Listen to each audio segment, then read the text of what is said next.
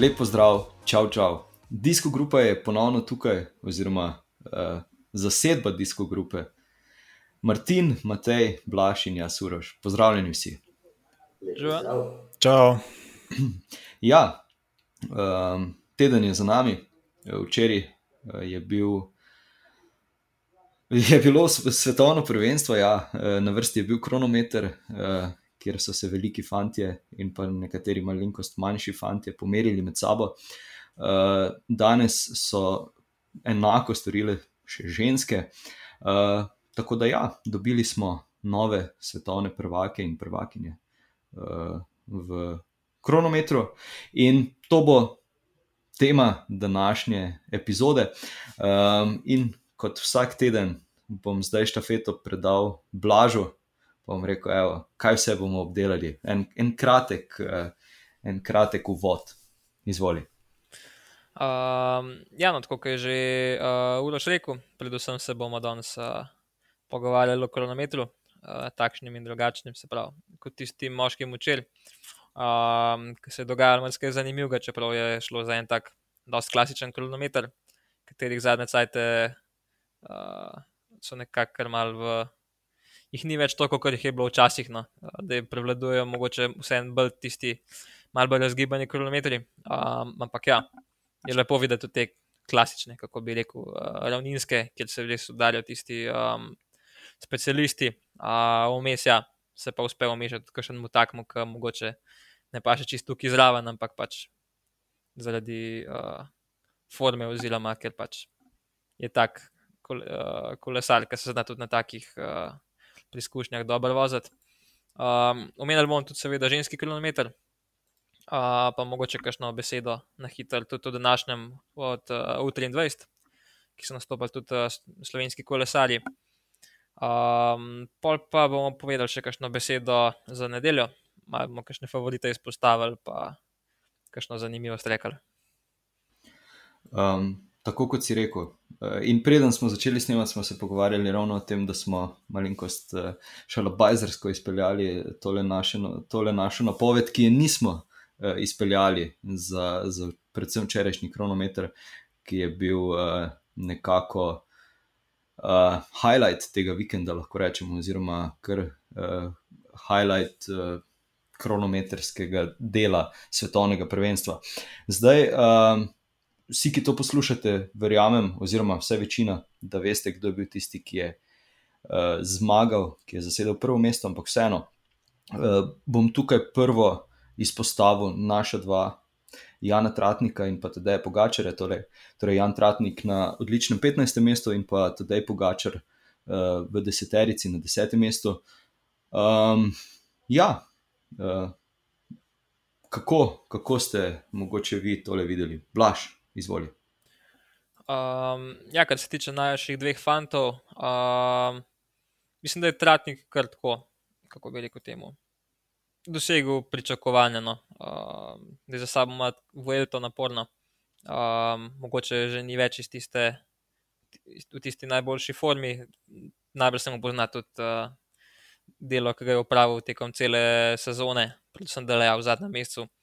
Uh, pač po treh tednih, seveda, noga ne more biti tista, kot bi bila, če bi bil spočita, ne sploh za take preizkušnje, moraš biti pač spočit, kot je Filip Ogana zihar bil. Um, predvsem tisti, ja, res specialisti za kilometre, ki mi bo to nekako cilj sezone. Um, Pogačal pa, ja, jaz sem ga pričakoval tam nekje ob robu deseterice uh, in ja, je v bistvu ujel lihih deseto mesto za eno sekundo pred Maxom Valšaldom. Uh, in jaz mislim, da je to kar zelo dober rezultat za TD-ja. Uh, da vsi vemo, da ni to njegov najljubši teren, sicer vemo, da močen je pač povsod, to je dejstvo, ampak uh, nekako na teh čisto ravninskih uh, zadevah pa uh, so ostali fanti, ki imajo po 20 kg več od njega, vseeno malo prednosti. Um, seveda, ta kilometr ne moramo primerjati s tistim, uh, ki smo ga videli letos na Turu, oziroma kaj šele s tistim, ki smo ga videli lansko leto na Planche de Belfi, ker pač vemo, da teda ima neverjetno sposobnost regeneracije in uh, da ko so ostali utrujeni, pač takrat on lahko pritisne še dve predstave več. In uh, ja, tukaj se je šlo pač na svežino. katera pa mu. Uh, Tudi njemu se pozna dolga sezona, naporna. In, uh, ja, mislim, da je to kar za njega zelo zadovoljiv rezultat. Um, kar se pa tiče ostalih, uh, ja, manjko je Rohan Denis, uh, ki po njegovih besedah uh, je tale kronometer spustil, ker je pač utrujeno cela sezona in ima dosti in rad malo počitka. Um, so pa, kar se tiče pa ostalih, so bili pa tukaj v bistvu vsi fanti najboljši, uh, o katerih bo mogoče še Matej ali pa uh, Martin povedala kaj več. Uh, ja, predvsem se mi zdi, da uh, Stefano Kungo ni, uh, ni šlo po njegovih načrtih, uh, še manj po napovedih, uh, ki jih je dal uh, po koncu uh, Evropskega prvenstva. Uh, ampak ja, Matej, izvoli. No, manjko je še uh, Tom Dumoulin. Ja, Sicer, res je. Ne vem, kako bi bil konkurenčen, ampak um, tako manjkalo sta dva še aktivna nekdanja svetovna prvaka. Um, to je mogoče. Moment. Um, ja, Stefan Kung pa res tudi mene razočaral. Uh, kdaj, če ne letos, ko je res ta proga bila zadnja narejena. Um, pa ne gre za to, da ni bil niti v tri, ampak zato, da je pač zaostal uh, več kot minuto, da ga je premagal tudi Remko Evenepol, ki je bil na vse zadnje na Evropskem prvenstvu uh, slabši. Um, Ko kar vem, je Stefan Kjun očitno tistem zadnjem delu ni mogel um, razviti take hitrosti, kot je želel. Uh, zanimivo je, da so imeli kar, da imela kar večina no, težave uh, v drugem delu. Jaz, ko sem gledal uh, Remka Evena Pula, sem bil na začetku v tistem prvem merjenju mestnega časa mogoče večkrat presenečen, ker ni imel neke zelo, zelo visoke prednosti. On je nastopil bolj na začetku, v tem prvem valu. Ampak je očitno v redu, um, temperal nastop in tem izboljševal čase, in enako velja za Filipa Gano. Um, Medtem ko je recimo Vanek pa tudi povedal, da je hotel tistega hecnega uh, tlakovanga odseka v uh, kraju Dam, od tam naprej želel pritisniti, pritisniti še večkrat bolj, ampak enostavno ni šlo um, in tam je v bistvu zgubil to svetovno prvenstvo. Um, ja, se, če, gleda, če smo gledali, je v bistvu od zadnjega merjenja umestnega časa, pa potem do, do konca, kar nekaj sekund izgubil, in ravno tiste sekunde so, so Gani pomagali do tega, da je pač postal uh, svetovni prvak. Martin, uh, grdo sem te odrezal, tako da izvoli zdaj besedo. Pardon. Ni problema.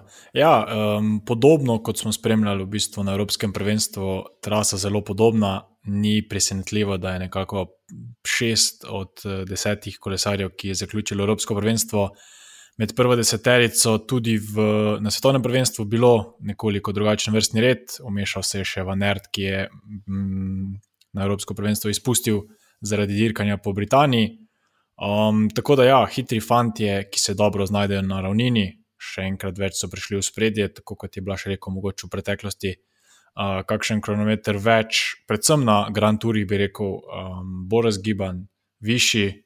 Um, tako da, ja, um, kar se pa druga tiče naših dveh, pa podobno kot na Evropskem prvenstvu, da je okoli desetega mesta, to mislim, da glede na traso, pa vse to, kar mu um, zagotovo ne odgovarja najbolj, oziroma bi, bi si želel kakšen, kakšen klanec vmes, ampak ja. Um, ti hitri kronometri, mimo grede, če so moje podatki pravilni, je bil to rekorden čas, um, oziroma rekordna poprečna hitrost. Uh, komentatorja sta omenjala, da je bil prejšnji rekord postavljen leta 2016 uh, strani Tonija Martina, ki ga bomo verjetno nekoliko kasneje še kaj več omenili, uh, letos pa je Filipa Gana v bistvu kar krepko ta rekord uh, podaril in um, Ja, je to še ena podatek, da je letos bil res hiter uh, kronometer, kajti kar za, za pol km na uro je bil Gana hitrejši kot Tony Martin leta 2016. Tako da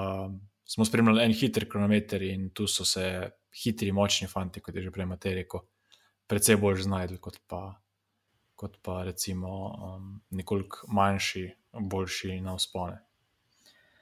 Um, ja, zdaj, ko gledamo tole 20-terico, uh, bi mogoče še, še veljalo izpostaviti tudi mogoče malo slabšo uvrstitev Remija Kavanje. Uh, se mi zdi, da je vseeno, uh, pa ne bom rekel postavnica, ampak na splošno uh, na njegove predispozicije bi mogoče kakšnih, uh, kaj pa vem, ne bom rekel ravno deset mest više, ampak uh, vsaj vsaj sedem mest više, bi ga pa morda vseeno lahko uh, dali. Plaš, izvoli. Um, ja, kar se tiče Remija Kavanje, um, v preteklosti je on že zmagoval kilometre, tukaj pa v bistvu ja, ni um, ta kilometrska forma, očitno njegova letos ni lih uh, najboljša. Oziroma, ja, kilometr je zmagal letos, uh, v bistvu par mesecev, en mesec nazaj na, na Polskem. Uh, Zdaj pa tudi na Evropskem se ni jih uh, izkazal z devetim mestom, uh, tukaj pa pač ja, 14, ki mislim, da za njega ni jih uh, zadovoljil rezultat. Um, ampak ja, no, uh, pač tako pride, kaj ne rečemo. Um, je pa mogoče tukaj še um, izpostavil, jaz na telih kilometrih, oziroma na telih uh, svetovnih prvenstvih, jaz zelo rad naredim, da gremo v bistvu po rezultatih navzdol in v bistvu uh, pogledam prvo ime. Uh, ki, ga, ki mi ni znano, oziroma kjer od teh nepoznanih kolesarjev pa v bistvu presenetil. Um, in uh, letos uh, se mi je pa ja, pogled ustavil na 16. mestu Daniel Bigham. Uh, če si iskreno povedano, jaz za njega uh, prvič slišim, oziroma um, do, do nedelje uh, sem za njega, ga sploh nisem poznal.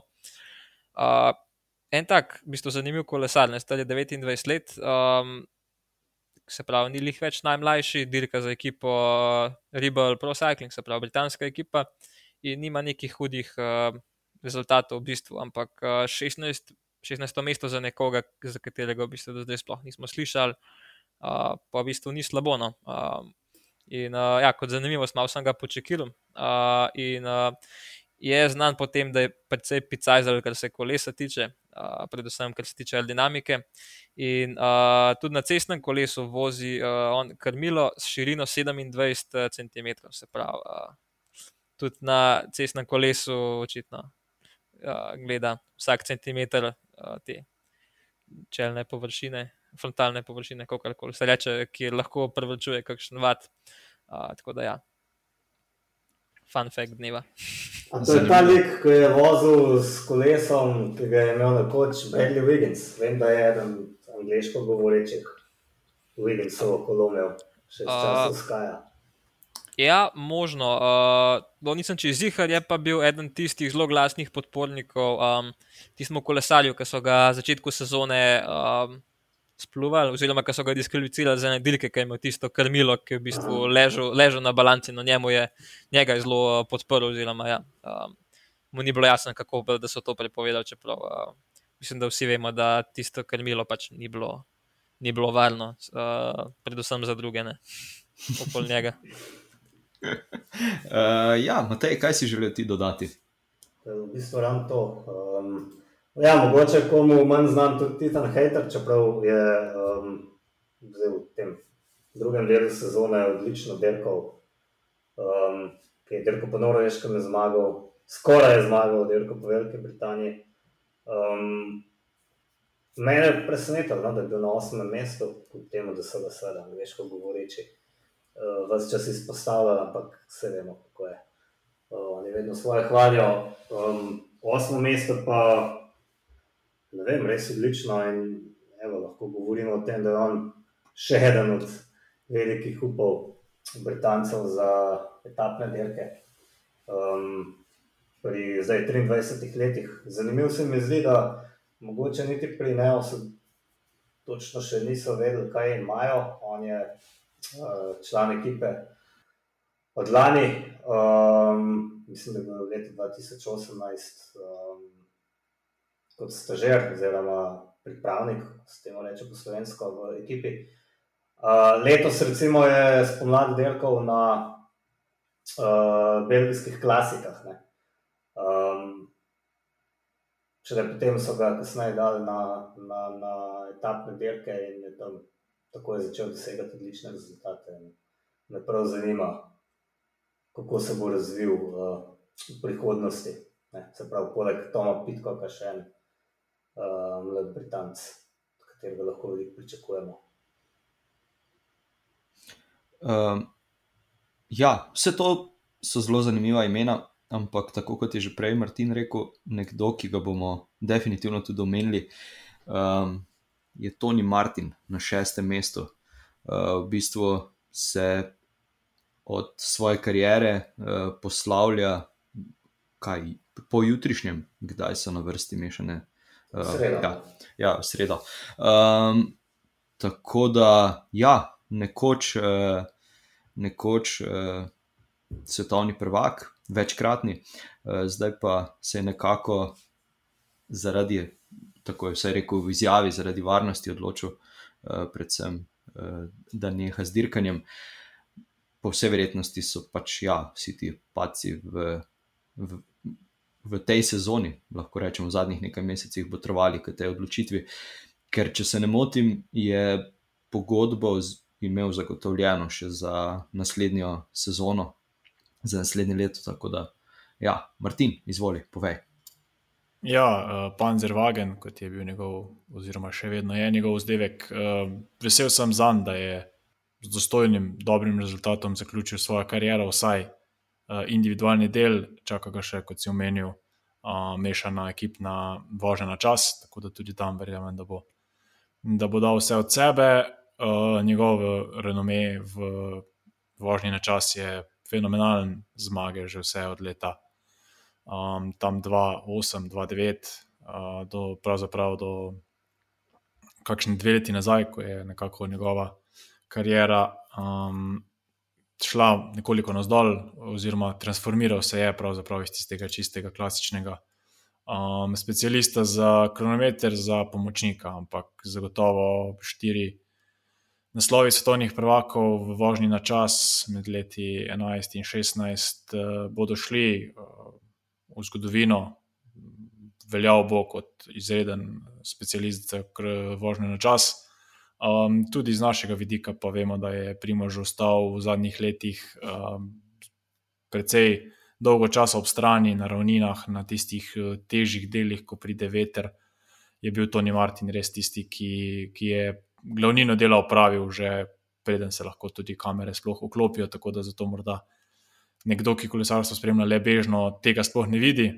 Um, je pa res, da je zdaj v zadnjih dveh letih bil pleten tudi v neki nerodnih pacev in mogoče tudi zaradi tega ta njegova odločitev, konec koncev pa 36 let, je vseeno lepa.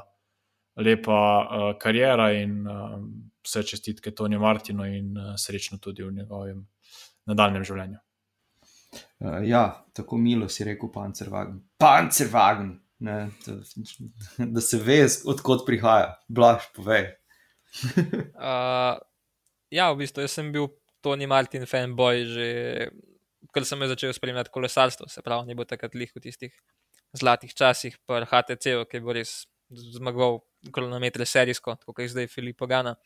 Um, tudi ja, ta, te dvoboji, kančelara, Malti, na vsakem kilometru so bili res neki, neki nepozabenega. Um, mi pa mislim, da od njegovih zmag najbolj ostalo v spominu tista zmaga na Tulu in sicer ne zmaga uh, na kilometru, ampak tista, ki je zmagal na deževni, uh, klasični etapi, uh, kjer so bile kocke vmes, uh, ki se je odpeljal, mislim, da 6 km do cilja in je presenetil takrat tiste specialiste za klasike, oziroma šprinterje, in solo prišel v cilj tistega. To, to mislim, da ne bom nikoli pozabil. Um, ja, uh, ga pa v bistvu čisto razumem, zakaj se upokoji, uh, sem kaj je razlog za upokojitev, ker v zadnjih letih, ja, ne vem, vse kolesali so padali že skozi, ampak um, se mi zdi, da je bilo leto že zaradi samih gledalcev, oziroma zaradi vem, postavitve trase, ko karkoli teh pacov res res ogromno. No.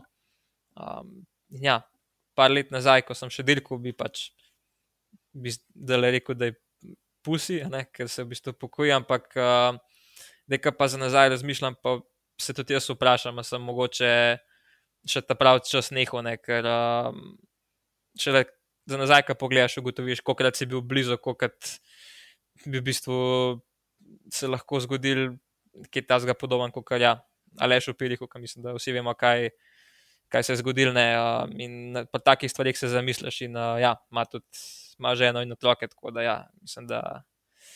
Da ima dober razlog, oziroma da mu te upokojitve ne bo noben zameril, da bo pač užival zasluženo penzijo. Absolutno. Matej, povej. To tvoje izvajanje, da se zdaj slišiš kot klasična antireklama za kolesarski šport. E ne, jaz pa sem mislil, da, jaz pa sem mislil, da bo že napovedal svojo upokojitev, ne, tudi od rekreativnega športa. Ne. Oh, ne, to ne, to ne, ampak na rekreacijo je to dobro, da um, se večinoma vozimo v majhnih skupinah. Če se sami razbijamo. Vse je odvisno, ja, pa če nas kakšen nabudala res na cesti. Zbija tudi to, se je žal zgodilo ja, v Belgiji. Um, pri Svanku in Srnsenu se to verjetno že vsi vemo. Ne vem točno sicer, kakšne so bile okoliščine in sreče, ampak žal je umrl ravno pred uh, svetovnim prvenstvom. Tako je. Uh, v prometni nesreči, tudi kar slabo, no, se tole prvenstvo začelo. No, ampak v glavnem, um, jaz se bom Tonija Martina recimo zapomnil tudi po tej njegovi kretni v Nalanskem turu, v Lani. Ja, Lani. Ja, ja, uh, Jezus Kristus zaustavil uh, norenje na tistih spolskih cestah. Um, Zdi se, da je bil tak glas razuma v pelotonu in uh, nekako s tem glasom je tudi zdaj v pokojitvi opozoril na to, kar se dogaja in mi je mogoče tudi to všeč, da um, je večkrat tudi pogledal vas, oziroma v peloton in nekako namignil na to, da tudi kolesari ne naredijo dovolj za varnost v tem smislu, da se ogromno o tem govori. Um, Saj tako jaz razumem to njegovo izjavo, no? da se ogromno o varnosti govori neposredno po nekih hudih padcih in nesrečah. Tem je petek konec sezone, fanti grejo na dopuste, trdno prisluženo, večkrat pozabijo in februarja se potem pogovarjamo o istih stvareh spet. Ne? Um, se mi zdi, da bi lahko bilo dosta več narejenega, takrat, ko je za to čas, ne, to je ne, med sezonami, um, oziroma v off-season času. Uh, Meni grede, kaj je s tem sindikatom, novo ustanovljenim, sploh ne vem, ne vem če se kaj dogaja. Uh, Ustanovili so ga, da so sami ko, ja, kot sem jaz slišal od uh, profesionalnih kolesarjev, je, je bolj žalostno, da je bolj samo na papirju, ampak uh, ni neki dejanskega učinka glede tega. Seveda, ker pač fanti imajo veliko dela z delom, vse to po eni strani razumemo, ampak kot sem rekel, najbrž je čas za to, ko so sezona končane. Uh, Kakorkoli, jaz sem se poigral z eno zabavno mislijo, glede na to, da je Tony Martin izjavil, da bo najbolj pogrešal neko to zastavljanje ciljev in uh, uresničevanje leteh. Uh, da bi bilo mogoče zanimivo, če bi si zastavil za sezono 2022 cilj, da odlično nastopi na svetovnem prvenstvu v kronometru. Mislim, da se to vseeno da, tudi če ne derkaš uh, vso sezono na cesti, da se lahko tudi pri uh, eh, 37 letih, ko bo imel prihodne leto dobro pripravljeno eno svetovno prvenstvo. Vsaj uh, pri ženskah tako kaže, ne? glede na to, kar smo danes videli. Verjetno ni, ni, ni uresničljivo to, ampak bo pa zabavno. No? I'll be back. Uh, uh, Martin, preden ti dam besedo, bi samo na to opozoril, da uh, ta epizoda traja že 24 minut in še nismo povedali, kateri so bili prvi trije, ampak nič ne de. Martin, izvoli. Ja, v bistvu tudi do tega verjetno pridemo, vsaj tam nekje do ene ure bomo o tem govorili. Ja, še mogoče besedo o Krisu Ankerju Andersenu. Um, on je bil pravzaprav um, zelo blizu svetovnega prvenstva, udeležen v to prometno nesrečo, In pravzaprav to bi bil njegov debi za dansko televizijo um, v vlogi komentatorja in prav v bistvu neke vrste tragi, tragičnost, da je ravno na, um, na dan pred svetovnim prvenstvom v bistvu um, doživel to prometno nesrečo, ki mu je žal tudi vzela življenje. Tako da, ja, no, uh, sedaj pa k bolj veselim temam in sicer vrstni red. Um, Letošnjega uh, kronometra, omenili smo že zmagovalca Filipa Gano, drugo mesto Ert, um, dobra, dobra bitka, še ena izmed mnogih, zgolj šest sekund je ločil uh, ta dva kolesarja, in pa na tretjem mestu Remko Evenopol. Um, tudi o njem smo že marsikaj povedali, uh, tudi na Evropskem prvenstvu je bil blizu, um, še enkrat več na svetovnem. Um, jaz sem v našem pogovoru rekel, da tam, ko so se pripravljali na podelitev, je res precej hecno izpadel med dvema velikanoma, čeprav vemo, da tudi ona dva nista um, izven sveta kolesarstva, uh, res v resnici takšna velikana, ampak Remko je pa res uh, s svojimi 60 kilami, uh, kilami izgleda pravi palček in da, da uspe. Razvija takšno hitrost, takšne vate, mislim, da je svoje vrstno, svoje vrstna um, nekako pohvala. Um, blizu pa je bil tudi Kasper Razgren na četrtem mestu, pravzaprav samo dve sekunde od medalje. Um, tako da mogoče če je eno polo, kdaj pa kdaj zmanjka malo do boljšega rezultata, pa lahko tukaj v bistvu je konec koncev kar precej zadovoljen, ker je za las ujel to bronasto medaljo. Super, so. Matej, povej. Če lahko malo ene pula pokomentiram, on je verjetno spet zmagal s to noro um, aerodinamično pozicijo. Danes sem poslušal komentar Magnisa Bakšteda med žensko dirko in je vmes omenil, da je najtežje eno pozicijo nastavljati zelo visokim ali pa zelo nizkim kolesarjem ali kolesarjem. Recimo, lahko si predstavljam, da je težko narediti aerodinamičnega enega Filipa Gano, ki je visok meter, več kot 1,90 m. In enako se težko očitno nastavi zelo nizkega kolesarja, kot je Remko Renepol. V zvezi s tem se pa sprašujem, ali mogoče kolesarjem, ki niso že vse življenje v kolesarstvu, ampak se ukvarjajo s kakšnimi bolj um, rečemo, dinamičnimi športi, kjer je, um, uh, kako se temu reče, fleksibilnost. Um, Načkam bolj pomembna, in ni mogoče lažje se potem postaviti na kronometrsko kolo, vemo, kakšno, kakšen položaj lahko zazame ta ena pult, pa tudi uh, Roglič je zelo nizek in kljub temu razvija ta uh, visoke vate. In vem, bi se mogoče več lahko na tem delali tudi z mladimi kolesarji, ki že nekaj kolesarijo. Um, to je samo vprašanje, no, na katero sem pomislil, da um, bo pa zdaj. Trener uh, mlajših kolesarjev še nekaj povedal na to temo. Jaz bom pred Blažom samo to rekel, da uh, vse vsi vemo, koliko se tudi tisti, ki ne tekmujemo profesionalno, oziroma sploh ne tekmujemo, radi raztegujemo. Sam to, blaš, izvoli. um, ja, no, odkar sem jaz v tekmovalni penziji, uh, bom tudi jaz rekel, da jih raztegujem, ne posvečam kaj dosti pozornosti, čeprav je bilo mogoče, da, da bi jo. Ampak ja, ne odgovorim na tole Matejevo um, teorijo, kako koli.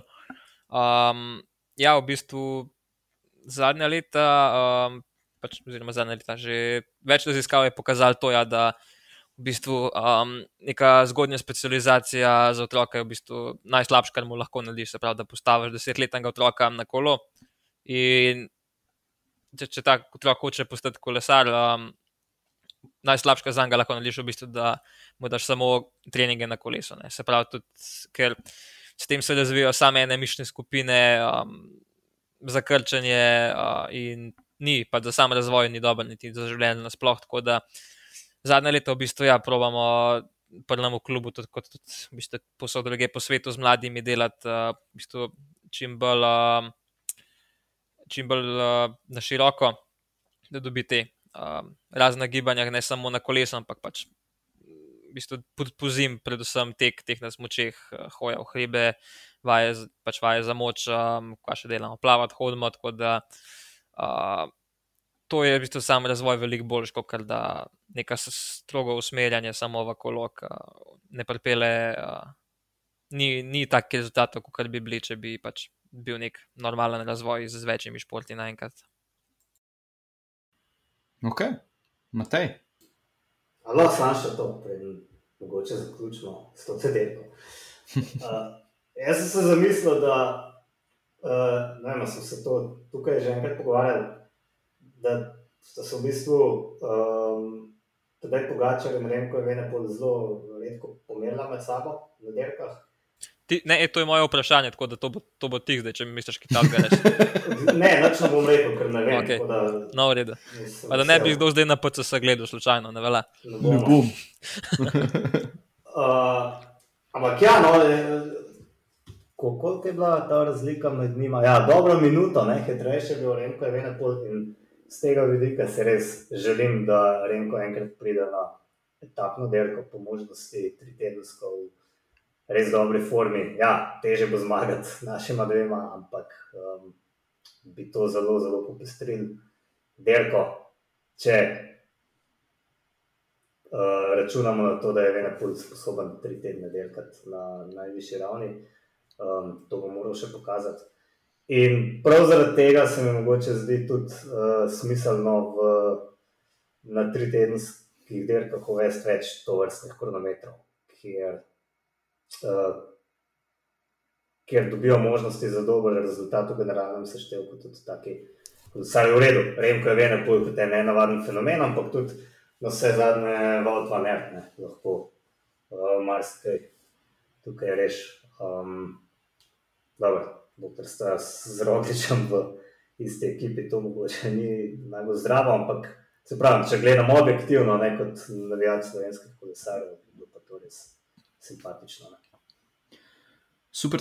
Zdaj, uh, sicer se še ne bom odmaknil od uh, moškega kronometra, ampak vseeno malenkost druga tema. Um, Mikel Bjerg.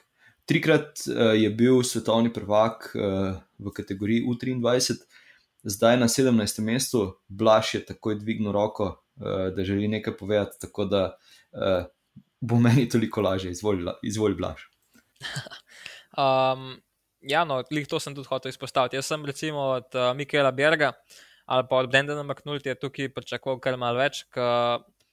On dva sta v bistvu že v mladinskih kategorijah sta ona dva dominirala na, na kronometrih, kamorkoli sta prišla. Um, Zmeraj sta pač, to so bile njihove discipline, klej sta restauravala posod. Um, da je pa, glede na to, da je Bjerg uh, star uh, 22 let, pa v bistvu sem pa pričakoval, da mislim, da se nekako že ustalil v tej profi kategoriji in da bi nekako na tem svetovnem prvenstvu lahko tudi um, posegel malo više. Jaz sem ga tam nekje vsaj okoli deseterice pričakoval. Um, tako da jaz mislim, da sta in on in McNulty um, s tem le kronometrom učili nekako razočarana. Um, ampak ja, no, sta, dejstvo je, da sta oba sposobna veliko boljših kronometrov, kot je bil taleno. Um, da je vprašanje, je, s kakšno formo sta sem prišla, koliko sta se dejansko za tole pripravljala, um, kakšne so bile ambicije njihovih ekip, uh, mislim, kaj sta predirkala, seveda. Tako da um, to zdaj ne smemo, um, ni zdaj to nek pokazatelj slabe forme, ampak mogoče samo nekako neprimerne, oziroma ne stoprocentne priprave. No, tako bom rekel. Ja, ja sej, uh, mislim, moje vprašanje tudi ni bilo na to, da bi, bi kakršna koli slaba forma bila, ampak mogoče vseeno, tako kot si rekel, kak, kakšno stopničko više uh, v generalni razvrstitvi. Ampak ja. Um, bomo še omenili uh, nakazovanje Filipu Gani, da naj malenkost upočasni uh, belgijskih navijačev. To je bilo super, pa ne vem, kaj bi se dogovorili, oziroma ne vem, nekaj cesti steklo, uh, stekel pogovor, da je treba ga večkrat ustaviti, to je res krasno. Ja, na, na Evropskem prvenstvu smo verjetno videli drugačne geste, s prsti skupaj. Um, ja, kakorkoli uspelo jim ni ga zaustaviti, tako da je odšel zmagi naproti. Um, ja, danes uh, pa to, kar smo že na začetku rekli, uh, kronometer žensk, oziroma ženski kronometer in pa kronometer U23. Um, ehm, zdaj Matej je rekel, da si je pogledal uh, ženski kronometer, Blaž ve nekaj o kronometru U23, tako da se vidva zmenita, Kdo bo prvi pričel? Aha, Starejši starejši imajo imajo prednost. Pa Ne, dame dame, dame. Pa dame, tako je. Za začetek bi mogoče rekel, da ne razumem, zakaj niso raje te dirke stisnili na nedeljski termin. Absolutno. Kronometer ne traja pol dneva, tako kot cestne dirke. To je bila, po mojem mnenju, obupna odločitev, sploh če se želi UCI prikazovati kot uh, neka organizacija, ki želi promovirati tudi žensko kolesarstvo. Včeraj so bili navijači na terenu, gotovo bi dirko videli več, čeprav tudi iz ciklokrosa in mountain bike dirk vidimo, da um, so pač moške dirke bolj gledane, boh pomaga, ampak da ta termin na ponedeljek, ko so vsi v službah in potem gledaš ob cestah, par otrok, pa tiste, ki mogoče iz svojih prodajaln stopijo, ker nimajo kaj delati, ker se pač cesto takrat zaprli in njihovih trgovin. Tako malo škoda, no. Enostavno škoda. Uh, kakorkoli, dirka je bila izredno zanimiva, ne, kljub temu, da je, tudi, da je pri ženskah vrh še ožji kot pri moških, se mi zdi. Uh, Bolj ali manj smo vsi vedeli, katere tri kolesarke se bodo razdelile prve tri mesta, vse ostalo bi bilo presenečenje. Kako se bodo med sabo dogovorile, pa nismo vedeli. Uh, tudi v, v ženske konkurenci je bil to uh, najhitrejši kronometer doslej. Vetra je bilo mečkan v hrbet, večino časa, um, ampak tudi sicer pač ja, ta ravninska trasa. Vem, organizatori so nekako namerili pri moških 80 metrov višinske razlike, pri ženskah ne vem, kakšnih, kakšnih 10 manj. Pa mislim, da tudi to ni bilo ne, v resnici. Um, Eden van Dijk je štartala v tistem prvem valu, dosti prej od ostalih favoritin, ko naj bi razmere bile nekaj slabše, uh, ampak je postavila tak brutalen čas. Um, mislim, da je takoj za slabi dve minuti prehitela uh, vse, ki so štartale pred njo. Uh, potem je bil pa v bistvu glavno vprašanje, kako ali bo predvsem Marlene Reusser, evropska prvakinja, uspela premagati in kaj lahko naredi Remik van Floten na trasi, ki manj ustreza. Uh, izkazalo se je podobno kot pri moških, da je bilo težko na tako dolgem kronometru uh, temperati hitrost uh, in da je to očitno najboljši uspel Ellen van Dijk. Do določene mere tudi Remik van Floten, medtem ko je Marlene Reusser pa uh, očitno večkrat prehitro začela.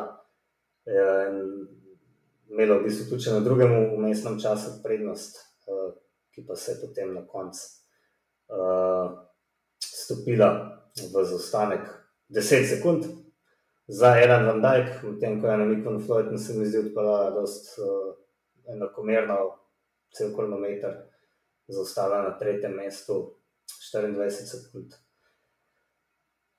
Mogoče najbolj zanimiva je pa zgodba Amber Neban, um, američanke, ki je na svetovnem prvenstvu prvič dirkala leta 2001 v Lizboni. To je takrat, ko je Andrej Hauptmann uh, bil tretji na cestni dirki.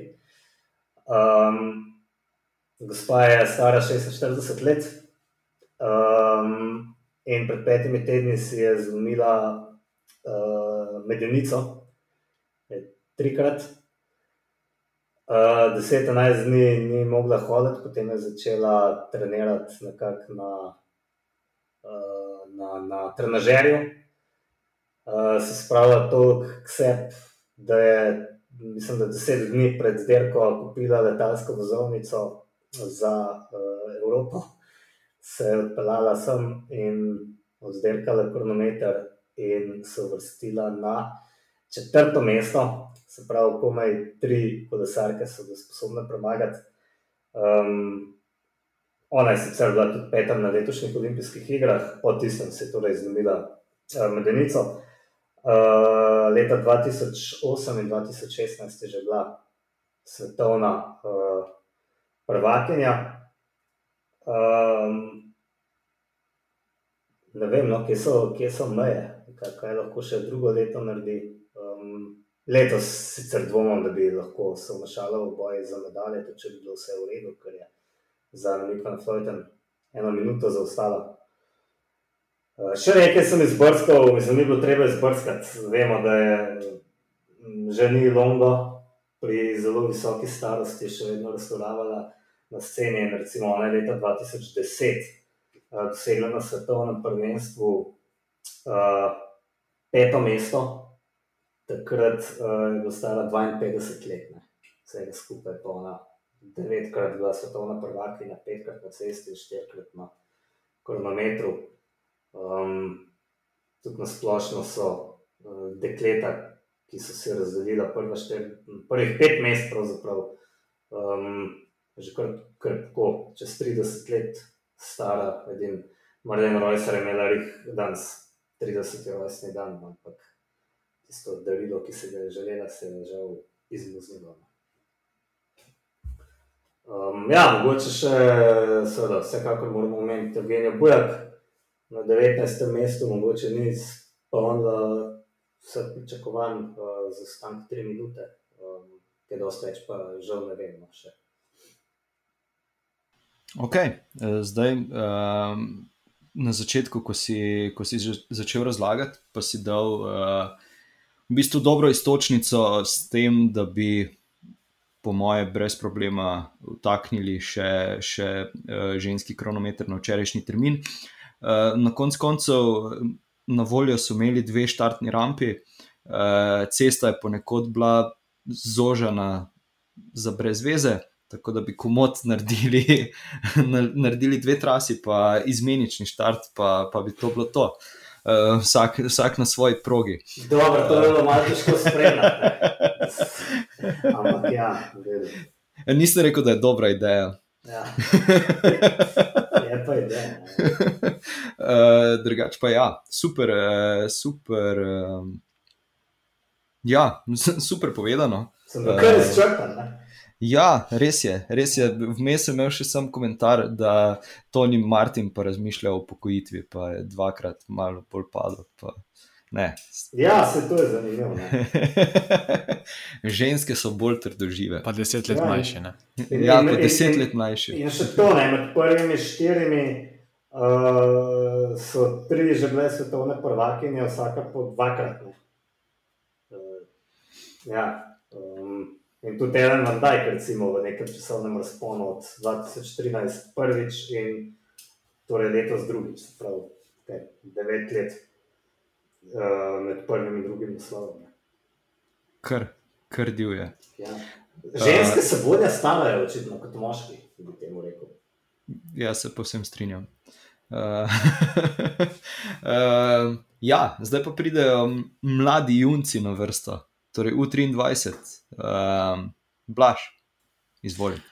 Uh, ja, imam tukaj mogoče vse en malce bolj kratek. uh, ampak ja, no, vse en. Uh, ja, danes je bil kilometr še za U23 uh, in sicer v dolžini 30 km. Um, zmagal pa je Johan Price Petersen, ja, tako se zanimiv primek. Um, v bistvu je on znan kot uh, kronometrist, kot specialist, uh, dvakrat je bil že evropski prvak, med drugim tudi uh, en teden nazaj uh, v Trentu. Um, Tako da, ja, no, on je bil nekako izrazit favorit. Mogoče se ga spomnite iz uh, Yorkshira, to je bil tisti kolesar, ki je zapeljal tisto ogromno lužo in uh, se tam uh, raz, razmontiral po tleh. No, to je bil ta. Tako da zdaj uh, mislim, da ga predvsej bolj poznate. Uh, drugo mesto, Luke Pleb, uh, en izmed kolesarjev, ki ga je že zavohal in je vzgledal Dirs in ga podpisal vse do leta 2024. Tako da, ja, enega kronometrista, uh, mladega, več imajo na, na izbiro. Uh, tretji je bil Florian Vermeš, uh, en belgijski kolesar, o katerem, se čisto resnici povem, ne vem, kaj je dost. Um, pa, pa ja, če gremo v bistvu um, še kakšno zanimivost, izpostavimo deseto mesto, Magnus Sheffield. Um, on je pa v bistvu že v mladinskih kategorijah, je bil on, um, predvsem uh, prvi pomočnik. Uh, Queenu Simonsu. Um, ki je poleg tega, da je pomagal Queenu Simonsu pri mladincih, da je zmagal svetovnega, je bil tudi on na koncu tretji. Um, in uh, ja, v bistvu potem, ko lani ni vozil tudi ene UCI dirke, najbolj zaradi korone ali zaradi česa drugih problemov. Um, pa letos v bistvu zelo dobro sezono in uh, tudi on je pred kratkim, mislim, en teden nazaj, um, objavil, da je podpisal za Ineos uh, vse do leta 2024. Um, mogoče še en kolesar, ki je nam precej blizu, uh, Fran Miholjevič, uh, je osvojil 12. mesto, kar je v bistvu zelo, zelo dober rezultat. Um, Miholjevič je kar znan prink v svetu kolesarstva. Um, ampak ja, vozi tudi pri Medincih, je vozil za Adriano, tako da iz tega vidika jaz nekaj bolj poznam. Uh, in uh, se na takih kilometrih zelo dobro znajde. Uh, tudi uh, letos je že na, na štengah stal, ene parkrat. Uh, potem pa, ja, če izpostavimo še naša dva kolesarja, Nik Čemažar uh, je bil 35 in pa Anžel Skok 45. Um, ja, če si iskreno povedano, mislim, da če imaš za kilometr odpela, tudi že boljš. Uh, bil je, uh, mislim, da njegov najboljši rezultat je 21. mesto na Evropskem prvenstvu. Um, tako da, ja, jaz sicer zmagal letos. Uh, že eno dirko v C kategoriji v Črni Gori, tako da forma zgleda je. Um, mogoče pa tukaj na uh, včeraj, oziroma danes na svetovnem, pa večkrat zmanjkalo. Uh, kar se pa tiče že tega skoka, ja, pa tudi uh, državni prvak, uh, ampak ni kilometr, sicer njegova tista najmočnejša, uh, kako bi rekel, značilnost, kako koli. Uh, ima pa tudi on, kar je nekaj lepih rezultatov, tako da uh, iz cele sezone. Tako da se je tudi on že izkazal v prejšnjih dirkah, če se mogoče danes ni. Mi je pa zanimivo uh, v bistvu tukaj pogledati uh, fante, ki sem jih uh, srečeval še lani na mladinskih dirkah, ne, na Mačarskem, na Slovaškem, kjerkoli smo že bili, v Italiji, pa v bistvu zdaj že.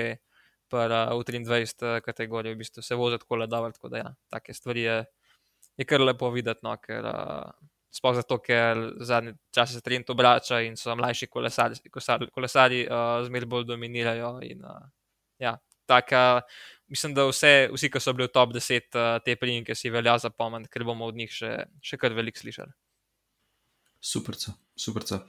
Um, ja, nekako, uh, če Matej ali Martin nimate še kaj za dodati, uh, bi bil to nek uh, opis, oris tega, kar se je dogajalo. Seveda pa tisto, uh, ki je poleg kronometra najbolj zabavno, oziroma najslajše gledati, pa še le prihaja, uh, torej cestna dirka in predvsem ponovno, seveda, bolj v soju žarometov, uh, moška izvedba, uh, ki bo na sporedu v nedeljo. Um, ja, kaj čaka fante, čaka jih uh, zahtevna, dolga proga in Martin izvoli. Ja, um, nekoliko bolj uh, zagotovo zanimivo, tudi z naše strani. Uh, čeprav bi si spet, verjetno, zagotovo želeli uh, težjo, težjo traso, uh, več nekih usponov, več višinskih metrov razlike, ampak ja, svetovna prvenstva so znana po tem, da so nekako v večini primerov, uh, razen redkih izjem, bolj pisane na kožo uh, kolesarjem za klasike ali pa tudi uh, tu pa tam klasičnim sprinterjem. In tudi letos bo trasa, oziroma je trasa, namenjena um, specialistom za klasike, um, zagotovo eden izmed večjih favoritov, domačin Vod van Ert, uh, ki bo poskušal uh, domov pripeljati uh, malo často majico. Uh, zagotovo pa bomo spremljali tudi tu uh, številne bitke. Uh, podobno kot na Evropskem prvenstvu, pričakujem uh, dirkanje od samega začetka, poskušanje z razno raznimi taktikami. Um, vemo, da je kar nekaj manjših, oziroma tudi večjih usponov, ki so večinoma krajši.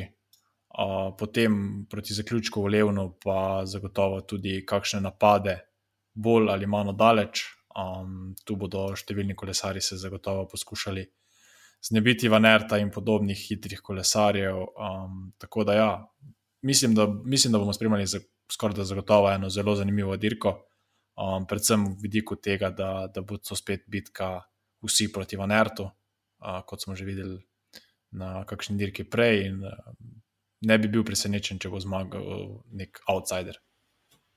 Kolbreli. Recimo. Ki ni outsider, blaš izvolj. Ja, ne več outsider. Ja, bil je do nedavnega, ja. zadnje čase se pa kar dobro pele.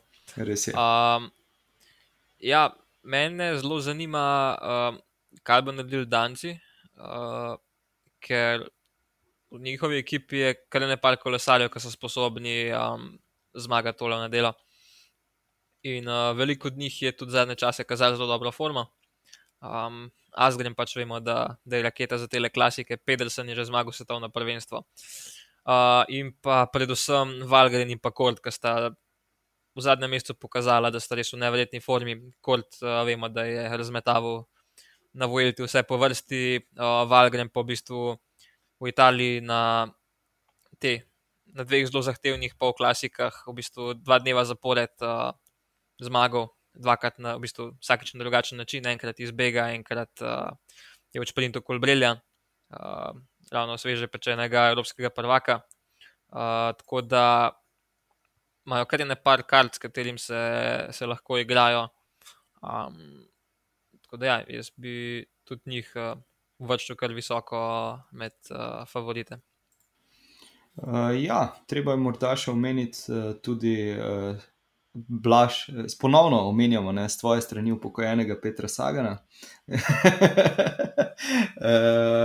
ki, ki tudi kaže neko dobro formo. Tako da, ja, fantje, fantje so našpičeni. Uh, in ja, zanimivo, zanimivo bo, ko se bomo spravili dan pred dirko. Uh, za kamere in vsak po svoje napovedali našega pretendenta. Uh, to govorim zato, ker uh, tako kot skoraj da za vsako dirko smo tudi zato pripravili uh, nove disko grupe Majce. Tisti, ki niste dobri v napovedovanju, uh, jo boste lahko kupili, tisti, ki se malenkost bolj znajdete, oziroma uh, znate dobro napovedati zmagovalca, pa boste tako kot za Velto, lahko kakšno zadeli. Matej, povej, izvoli. Jaz mislim, da bo Vodvaner zelo težko zmagal.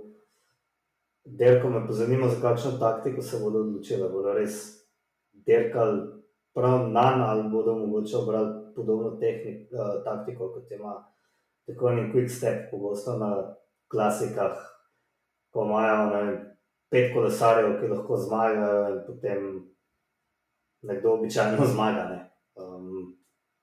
Tukaj pač poleg uh, Vanerta, vidim predvsem jaz, pa je stojijo nam, mogoče Iva Lampert, uh, Lamperta, um, Tiša Benoja.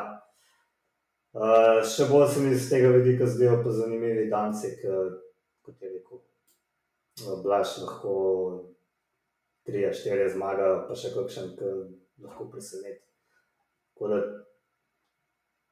Pričakujem kar en tak kaos no, na tej dirki.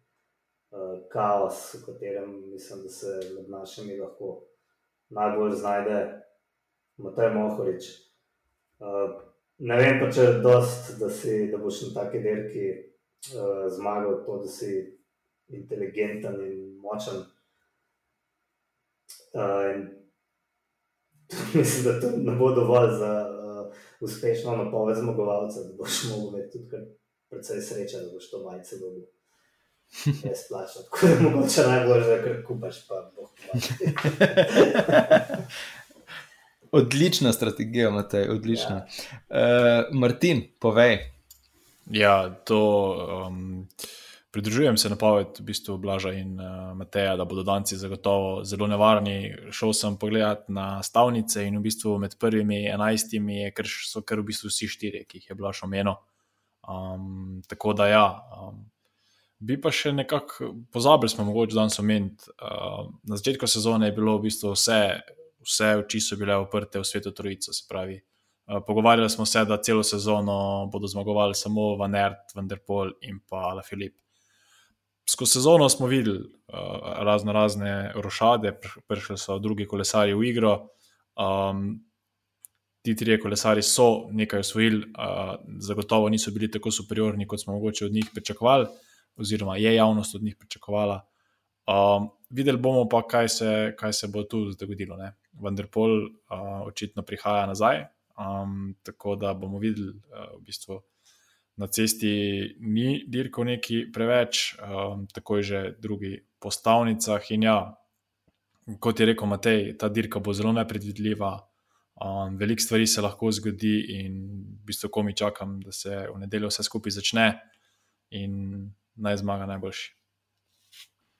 Ja, neko belgijsko pivo si moramo preštimati uh, ob TV-u, pa je to to, blaš, izvoli.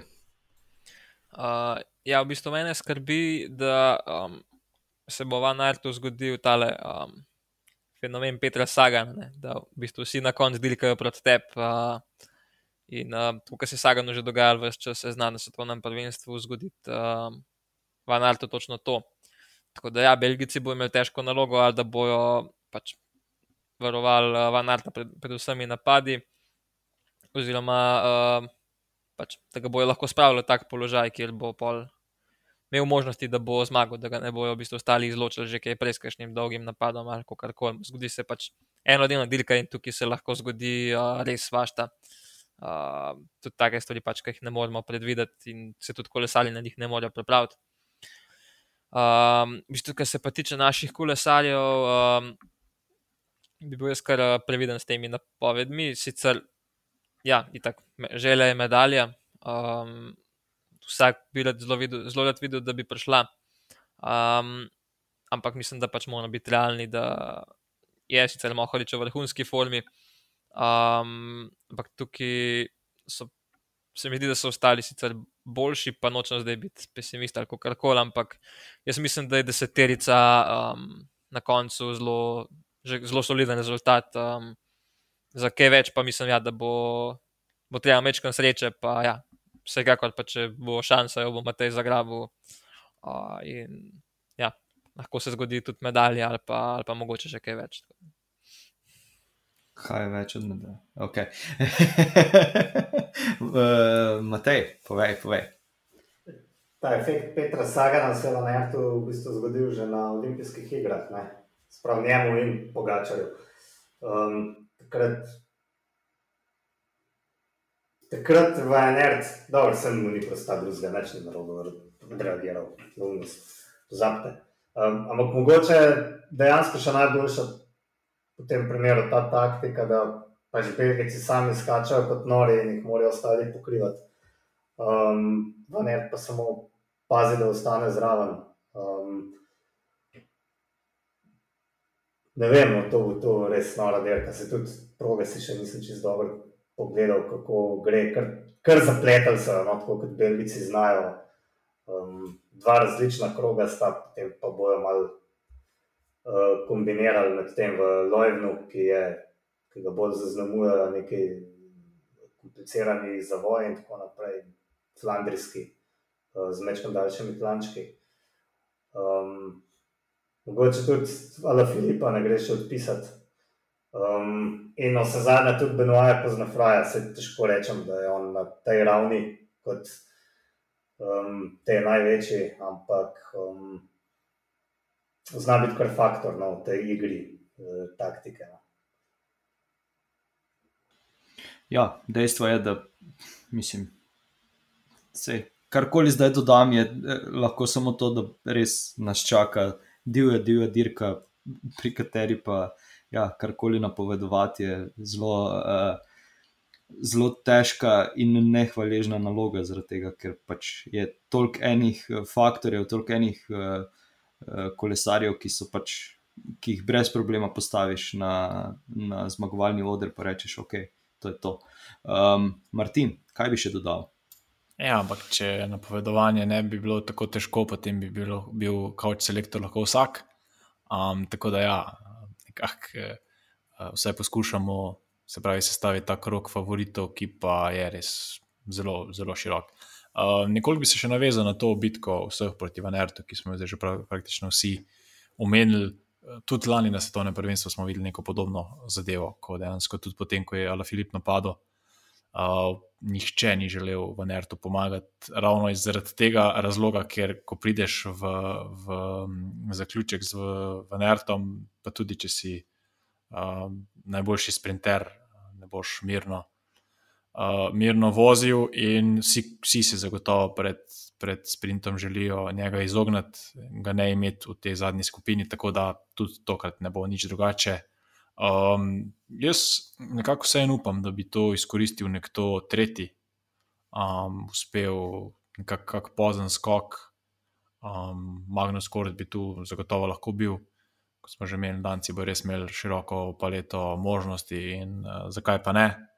Um, tako da ja, zagotovo bomo, bomo spremljali en ognjemet napadov. Um, ne bi me presenetili, če že tam od 100 km do cilja mogoče ne toliko resnih, uh, potem pa bližje, kot bomo cilju, bolj bo šlo na nož.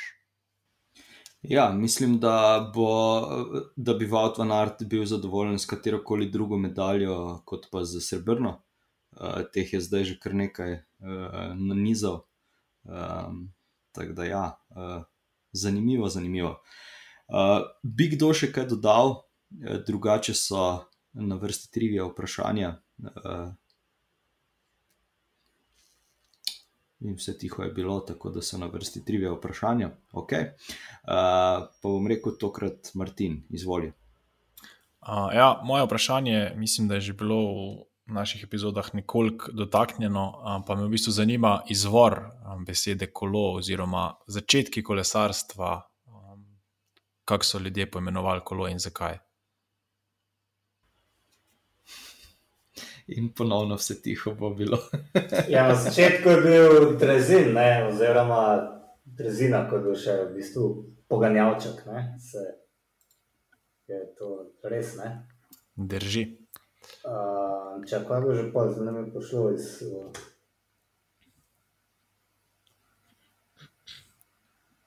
Zdaj nam je šlo, sem vedel, pa, pa, pa, ja, v bistvu, V bistvu začeli so neke teorije, so bile, da je že Leonardo da Vinci v 15. stoletju risal neke skice, ki naj bi bile podobne kolesom, kasneje so te teorije odvrgli. Zato naj bi okrog leta 1791 Comte di Sevrak uh, ustvaril neko dvokolesno napravo, ki so jo takrat poimenovali Selefier. Um, nefunkcionalen poganjalček bi mu lahko rekli danes, uh, v bistvu kot konj z dvema kolesoma je izgledal. Uh, in že zanimivo, da so že leta 1793 športni klubi po celem Parizu začeli organizirati dirke, ki so se odvijale zanimivo prav po znamenitih Elizejskih poljanah. Potem je kasneje uh, nemški baron Karl von Drey uh, izumil neke vrste tekaški stroj, ki so ga Nemci poimenovali Laufmaschine. Uh, in to je to pa je že bil v bistvu klasičen poganjalček uh, iz lesa, brez pedalov. Um, tako da ja, eh, ta lauf mašina je bila potem kasneje preimenovana v velosiped, uh, latinsko so temu rekli v bistvu hitro stopalo in je pravzaprav to postalo ime za vse kolesom podobne izume, tudi uh, potem kasneje v 19. stoletju. Um, Danes se ta izraz uporablja za v bistvu vse predhodnike monociklov, enokolesnikov, triciklov, štiriciklov, pravzaprav vse, kar je bilo izdelano tam v 19. stoletju. Um, zdaj, če gremo pa pol nekoliko naprej do tistih uh, klasičnih uh, koles, je pa v bistvu penny farting, uh, tisto visoko kolo, ki si ga danes še iz kakšnih cirkusov in podobnih zadev predstavljamo, se pravi, veliko kolo spredaj, malo kolo zadaj uh, ki že ima nekaj vrste pedala. Um, in pa potem te, tega je v bistvu izumil uh, britanski inženir James Starley, uh, njegov nečak uh, je pa leta 1885 um, imenoval prvo neko varnostno kolo, se pravi, to je pa krmilo, sprednji, uh, krmilo s katerim lahko um, premikaš oziroma usmerjaš sprednje kolo in pa dva velika, enako velika kolesa in pa verižni pogon na zadnje kolo. Tako da nekaj, kar danes poznamo kot moderno kolo, je bilo v bistvu nekako izumljeno leta 1885 uh, eh, strani britanskega izumitelja Johna Kempa Starleya. Izčrpno. Jaz sem pa cel čas razmišljal, uh, uh, kdo, kdo je treniral na uh, Lauf mašine, Panzerwagen. Se mi je zdelo, zato sem poskusil nekoliko. uh, Ne, ne, tvoje. zakon. zakon. Če prej 33, 34 leti, da je kot busalski, je že tudi no. Ja. Zakon, superca, superca. Um, Blaž, izvoli. Um, ja, kot je že Matej prej načel temo, pa upam, da uh, niste zdaj golfali, pa vsi na PCS leteli primerjati. Uh, ja, uh, jaz bom pa v bistvu uh, imam vprašanje, ki se tiče Pogačarja pa Remkota, um, ki sicer oba dva osta pri profih že od 2019, se pravi za sabo imata že skoraj tri sezone. Um, zdaj sta se pa srečala uh, zelo malkrat. Uh, pa me zanima, če kdo slučajno ve, kolikrat sta se srečala in kdo je bil pri tem uspešnejši. V teh medsebojnih dvobojih, seveda. Moram priznati, da pojma nimam. Okay, da je pa, pa vsaj kdo je, kdo je bil uspešnejši v, te, v teh dvobojih. Uh, bom rekel uh, Remko, čeprav je pač 50-50, ampak bom rekel, da Remko. No. Ja, jaz bi tudi v bistvu rekel, da Remko, glede na to, da se nista srečala na Turu, nista se srečala na Pogačarjevi Velti. Um, edina, edina dirka, ki mi gre po glavi, mislim, da je bila klasika San Sebastian, če se ne motim. Um, tako da rekel bi Remko, no, ker sta se dejansko srečevala na teh dirkah, kjer je šel bolj eh, Pogačar pilit formo, Remko pa je tam s kakšnim dolgim napadom, verjetno kdaj zmagal. Kaj, Matej? Ja, v bistvu se mi ti na to vprašanje že odgovoril. Prav, tako da vem, da ima Martin v bistvu prav klasika San Sebastian, ker je Renko zmagal, Pogačar pa odstopil takrat. Ja. Je Vsaj tako tako? se mi ti takrat rekel. Ja, evo, Je no, tako, ja. tako. Preveč ti govorim, v glavnem. Ja. Um, ja, je res. Um, če naštejemo svetovnih evropskih prvenstv, olimpijskih iger, sta se srečala v bistvu samo enkrat in sicer ja, na San Sebastianu 2019, kjer je Remko zmagal, Pogačar po odstopu. Če pa primerjamo še vse ostale dirke, se pravi še svetovna prvenstva, evropska prvenstva, olimpijske igre, pa je ne glede na to Remko bil tukaj uspešnejši. Pogačar je bil boljši samo v dveh dvobojih in sicer letos na olimpijskih igrah. In ki je bil tretji, uh, Remko 49, uh, in pa v Yorkshiru 2019 na svetovnem prvenstvu, ker je bil Pogačar 18, Remko je pa odstopil. Um, pa pa v bistvu zadnje trikrat sta se pa srečala letos in s tem, kar rečem letos, to pomeni v zadnjem tednu trikrat. Se pravi, srečala sta se na kronometru, uh, na evropskem, na cestni dirki in pa včeraj na kronometru, kjer je bil vsakič Remko boljši in sicer Remko je bil tretji, drugi, tretji, Pogačar pa 12, 5 in 10, se pravi, v, dvo, v teh dvobojih uh, Remko vodi s 5 proti 2. Okay, okay. Ja, se, mislim, moram priznati, da pri razmišljanju sem kar stran dal vsa eh, evropska in svetovna prvenstva, plus olimpijske igre, na katere sem se spomnil, potem ko si še leti začel eh, govoriti o njih. Okay. ja, se tukaj je vprašanje, kako sta dejansko bojevala, kako pa sta bila tam v nekih vlogah pomočnikov. Ne, sej-. Ampak ja, ja ne, zdaj pa vsekakor zanimivo, no, primerjava. In lahko še enkrat rečemo, da kome čakamo, da bo Renko je vedno poštiman za uh, velike etapne dirke. ne. Ja, no, tukaj, tukaj se res sam bolj zato, ja, kot, kot zanimivost, seveda pač ne, ne delkate zdaj da samo drug proti drugemu, ampak še skupaj s 120, 30 drugimi fanti. A, a Ne, bo- bolj sem mislil na to, da dejansko dirkata na zmago ali pač sta tam. Ne. Ampak ja, mislim- prvenstvu sta gotovo dirkala na zmago.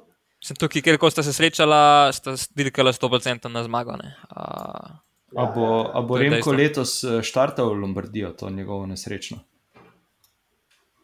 a, ne vem, če ima v programu. Ok, ok, dobro. Ja, Ima, na, na PCS-ju ima. Ma? ima. Okay. No, pa pa ima. Malo bo bolj pazil na tisto mosto. ne. Mo, morda bi mogel. Po postaji ne sme imeti noter, komu je na pot. Ja. Uh, Martin, nekaj si še želel reči.